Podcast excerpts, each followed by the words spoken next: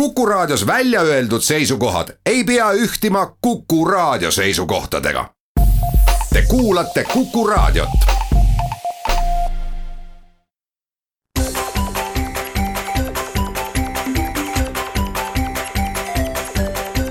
maksumaksja. Koostöös Eesti Maksumaksjate Liiduga. Tere päevast, eetris on saade Maksumaksja, mikrofoni ees on Lasse Lehis üks äh, traditsiooniline teema, millest vähemalt üks kord aastas äh, olen alati rääkinud, on, on välismaal töötamine ja sellega äh, seoses maksude maksmine. viimastel aastatel võib-olla rohkem mm, tasub sellest teemast rääkida ka selle nurga alt, et kuidas maksustatakse Eestis töötavaid välismaalasi, sest palgatase on liikunud selles suunas, et, et tuleb tööjõudu juba piisavalt palju ka Eesti suunas sisse ja jätkuvalt on välismaale, eelkõige Soome, aga ka mujale riikidesse Eestis tööle minemine aktuaalne, aga mitte ainult Soome, vaid võib-olla on ka nende riikide nimekiri laienenud, kuhu eestlased satuvad erinevatel põhjustel lühemaks või pikemaks ajaks töötama. oma nõustamiskogemusest Maksumaksjate Liidus võime öelda, et on vägagi eksootilisi äh, kohti maailmas, kus, kuhu eestlase jalg on pidama jäänud ja, ja, ja rahakott täiendust saanud, kus äh, on maksusüsteemid Eestiga võrreldes äh, üsna teistsugused ja, ja, ja seetõttu neid küsimusi ehk rohkemgi ja vastamine keerulisem. esimene asi, mis, mis välismaal ringi reisimise ja, ja liikumisega seoses tuleb lahendada, on maksuresidentsuse küsimus. kui Eestis alaliselt elav inimene saab tulu välismaalt, noh olles samal ajal Eestis edasi, siis seda küsimust loomulikult ei, ei teki, kui mul on välismaal kinnisvara või väärtpaberid või ma avaldan seal mõne artikli või äh, saan autoritasu või pean ühepäevase loengu, siis äh, loomulikult olen ma Eesti resident edasi, kui ma aga pikemaks ajaks äh, välisriiki kolin selleks, et seal töötada, tuleb hakata vaatama ka seda, et milliste riikide puhul need reeglid on ühesugused, millised teistsugused. nimelt on üks äh, maagiline päevade arv maksuõiguses äh, sada kaheksakümmend kolm päeva, väga mitmes kontekstis kasutatav ja üks äh, tähendus sada kaheksakümmend kolm päeva ühes või teises riigis viibimisel võibki tähendada residentsuse muutmist või topeltresidentsuse tekkimist, teine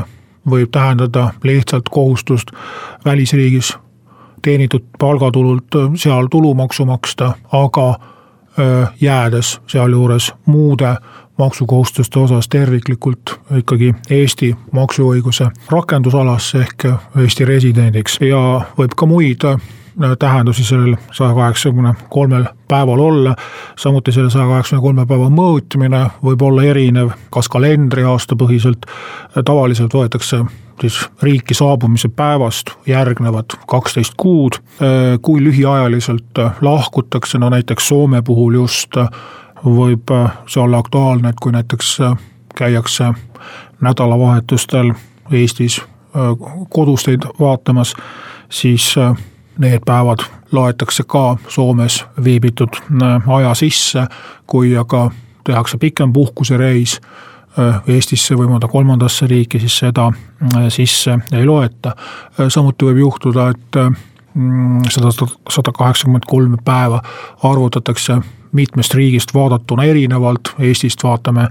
et isik viibis väljaspool Eestit sada kaheksakümmend kolm päeva, aga see võib omakorda jaguneda mitme riigi vahel, kui siis üksikuna kokkuvõttes jällegi sada kaheksakümmend kolm päeva täis ei tule ja on jälle lahendus äh, teistsugune.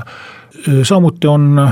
vaja äh, vahet teha sellel, kas äh, viibitakse riigis, millel kehtib Eestiga topeltmaksustamise vältimise leping või, või mõnes muus riigis, noh, Eestil on neid maksulepinguid juba päris paljude maailma riikidega, kogu Euroopa Liit on hõlmatud ka muust maailmast,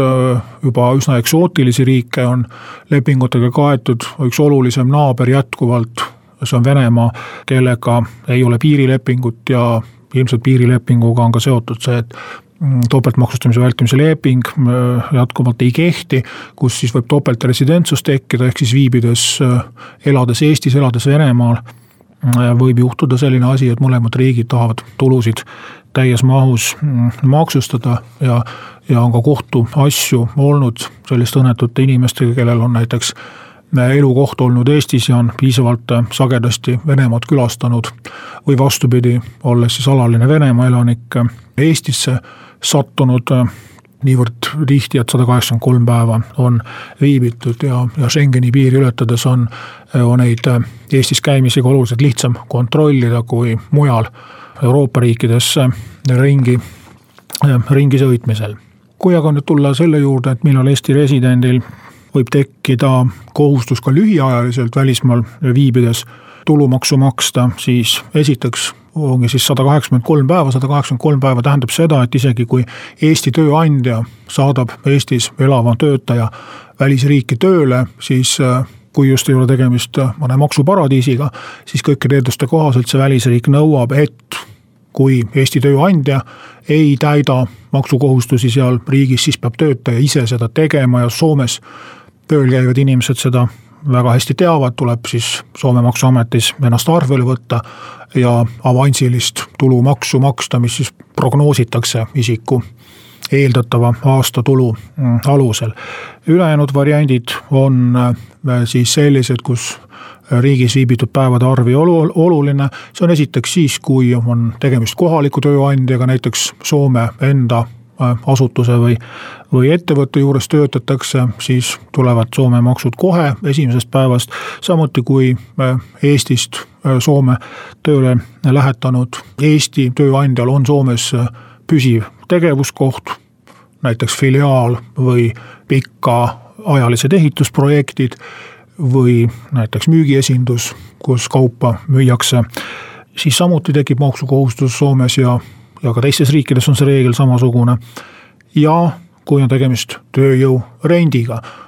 viimasel ajal on ka Eestisse hakanud renditöötajad saabuma, valdavalt siis Poola kaudu ukrainlastega on tegemist, siis Eesti ei ole veel seda reeglit kasutusele võtnud, mida Soome eestlaste suhtes rakendab juba mm, üle kümne aasta. nimelt ka tööjõurendi puhul võidakse nõuda, aga jah, kõik riigid seda ei tee, et et äh, need renditöötajad maksaksid tulumaksu selles riigis, kus nende töökoht on. muidu üldreegel renditööjõu puhul on see, et äh, maksud makstakse selles riigis, kus asub äh, tööandja, ehk siis ukrainlaste puhul on siis Poola see riik, kus need maksud makstakse. miks see Poola kaudu käib, on põhjus selles, et Eestis on kvoot ja, ja kes kvoodi sisse ei mahu, siis need ukrainlased Eestis töötada ei saa. kui nad tulevad Poola kaudu, siis Poolal sellist kvooti ei ole. lisaks Poola miinimumpalk on oluliselt väiksem. ei ole sellist keskmise palga nõuet, nagu meil Eestis on. Euroopa piirid on lahti ja ongi siis niinimetatud Poola ukrainlased tegelikult muutunud Eesti ukrainlasteks, aga see on juba hoopis teine teema maksudega läheme kohe edasi pärast väikest pausi.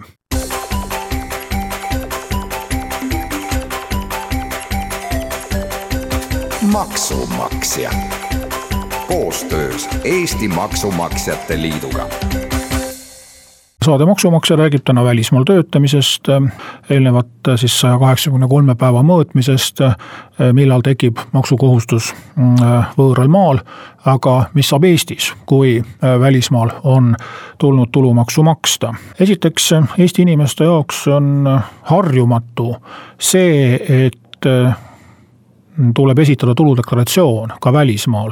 ehk siis me oleme siin harjunud sellega, et kui tööandja peab palgalt maksud kinni, siis ongi asi lahendatud. hästi palju pahandust oli meil ju sellel aastal maksuvaba tulu reformiga, kus seda äh, lihtsat põhimõtet on, on nüüd väga paljuski muudetud ja, ja, ja, ja inimesed ei tea, kui palju nende aasta terviklik tulu ja tulumaksukohustus on, siis mujal maailmas on see üsna levinud, et alguses prognoositakse tulu ja hiljem tuleb seda korrigeerida ja seda ka välismaalaste puhul, sest on väga palju nüansse, millega iga kuu arvestada ei ole lihtsalt võimalik. sellega seoses tuleb silmas pidada, et enne kui hakata Eestis tulusid deklareerima, tasub kindlasti välismaal see tuludeklaratsioon enne ära esitada, sest selleks, et teada saada, kui palju Eestis tuleb tulumaksu juurde maksta või saab tagasi, peab teadma ka seda, kui palju välismaal siis tuludeklaratsiooni alusel tulumaksu on määratud. et ei piisa sellest, mis on näiteks tööandja palgatõendi peal, et ka välisriigi maksuametiga tehtud arveldused lähevad äh, samuti arvutusse sisse. edasi üks oluline reegel on jällegi seotud saja kaheksakümne kolme päevaga. nimelt, kui välismaal viibiti üle saja kaheksakümne kolme päeva ja välismaal on tulumaksu makstud, siis äh, rakendatakse Eestis sellele palgatulule vabastusmeetodid. see tähendab, et äh, tulud tuleb küll deklareerida, tuludeklaratsioonis on selleks siis lahter kaheksa kaheksa, aga äh, ei teki kohustust Eestis tulumaksu juurde maksta, kui välismaa tulumaks oli kahekümnest protsendist väiksem ja tihti ta väiksem on, sellepärast et äh, rikkas riigis, meist rikkamas riigis äh, töötamisel eeldades äh, võib eeldada, et maksuvaba tulu oli suurem kui Eestis ja seetõttu mis iganes maksuprotsendi puhul see lõplik maksukohustus võib Eestist väiksem olla. muidugi, kui me räägime madalapalgalistest töötajatest kui see tingimus ei ole täidetud, ehk siis äh, välismaal on oldud alla poole aasta või ei ole tegemist palgatuluga, vaid on näiteks äh, korterit üüritud, äh, ma ei tea, honorare saadud, loenguid peetud, esinemiste eest tasu saadud, siis kehtib reegel, et kõik tulud tuleb Eestis maksustada ja välismaalt kinni peetud tulumaks tuleb Eestis maha arvata selle kohta on vaja välismaalt saada tõend, et kui palju see kinni peetud tulumaks oli. Ja siin tihti võidakse eksida sellega, et äh, jällegi sõltuvalt riigist, mõne riigi puhul või mõne tululiigi puhul võib juhtuda nii, et jällegi on äh, topeltmaksustamise vältimise leping ja see leping äh, näeb ette väiksema maksumäära või mõnikord ka seda, et ei tohigi välismaal tulumaksu kinni pidada.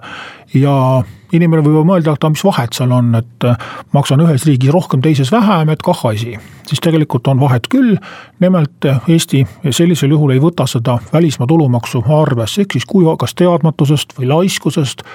jäeti välismaale esitamata residentsustõend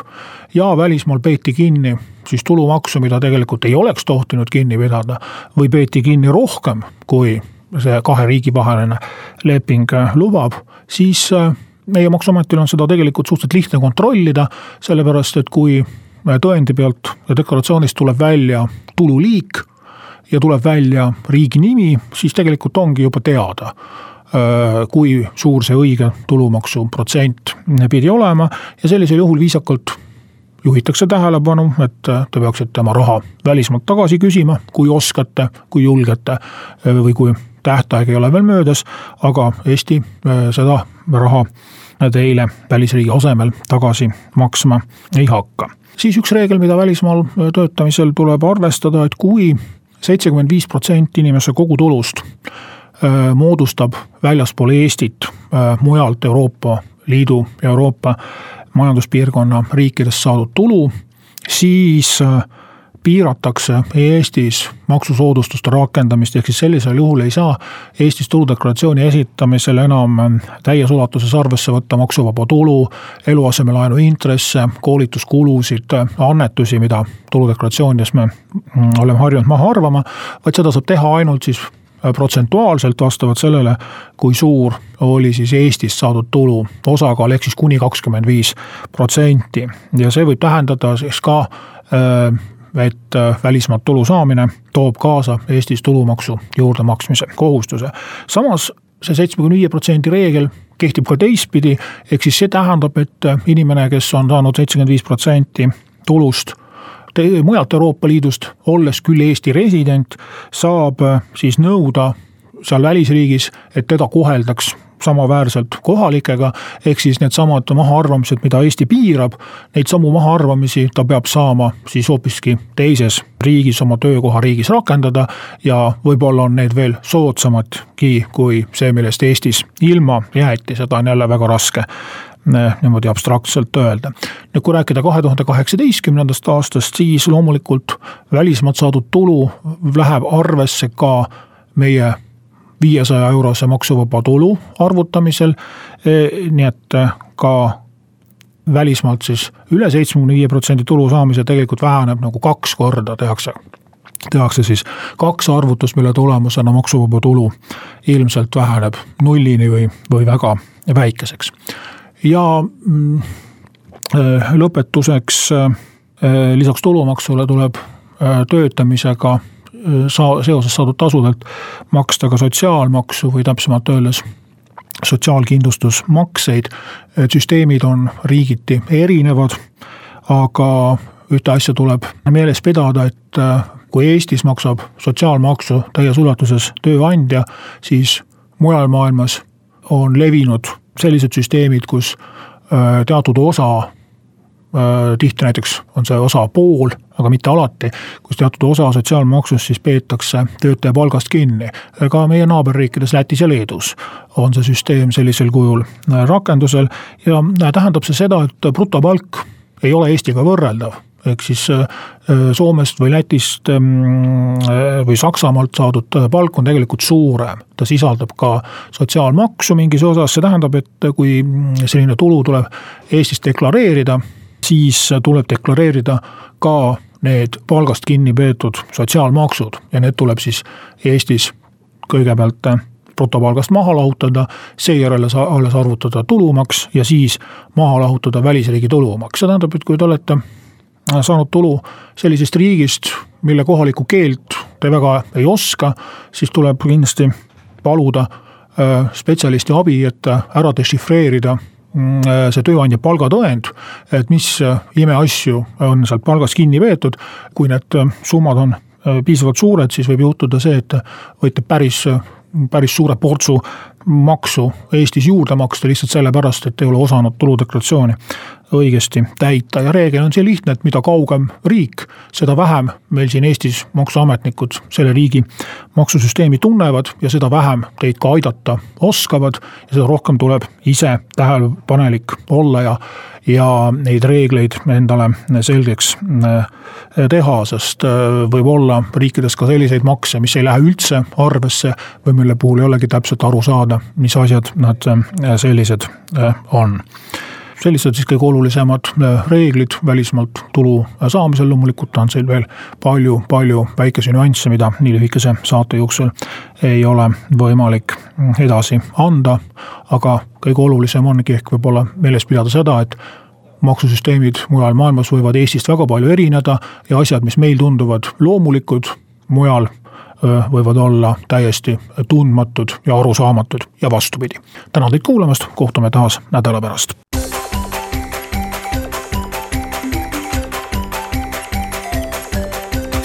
Maksumaksja.